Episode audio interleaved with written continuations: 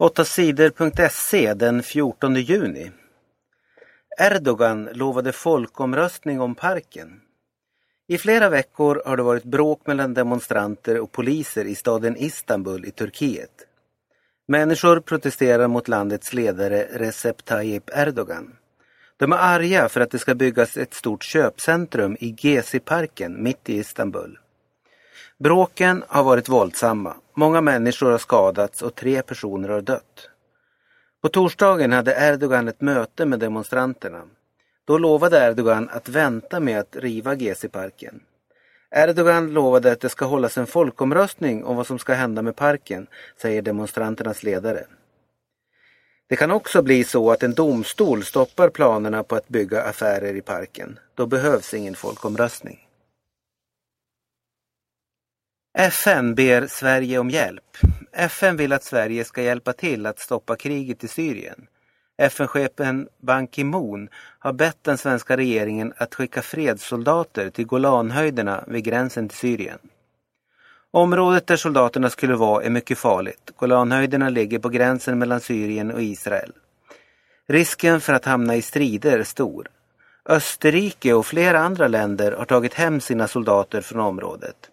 De tycker att det är för farligt för soldaterna. Sveriges regering har ännu inte bestämt om några soldater ska skickas till Golanhöjderna. Det har varit krig i landet Syrien i mer än två år. Rebeller krigar mot regeringens soldater. Flera miljoner människor har tvingats fly undan striderna. FN säger nu att minst 93 000 människor har dödats i kriget.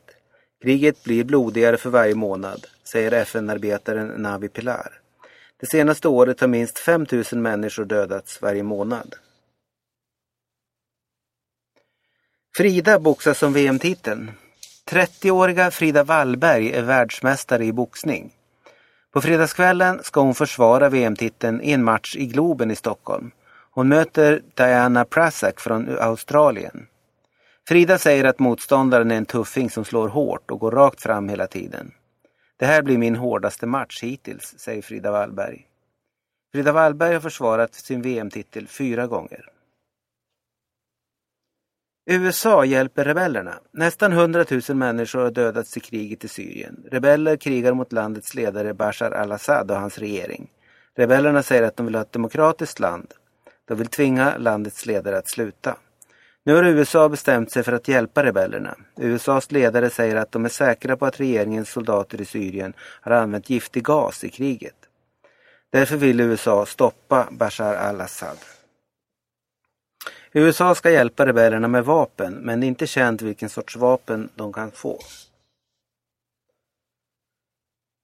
Högsta domstolen dömde man för våldtäkt. En 28-årig man trodde att hans flickvän hade varit otrogen. Han slet av henne trosorna och körde in fingrarna i hennes slida och skärt för att kontrollera om hon hade haft sex med någon annan man. Kvinnan anmälde mannen för våldtäkt, men domstolen, hovrätten, friade mannen. Domaren sa att det mannen gjort varken var våldtäkt eller något annat sexbrott. Många människor blev arga och protesterade mot domen. Nu har det varit en ny rättegång i Högsta domstolen HD. HD dömer mannen för våldtäkt.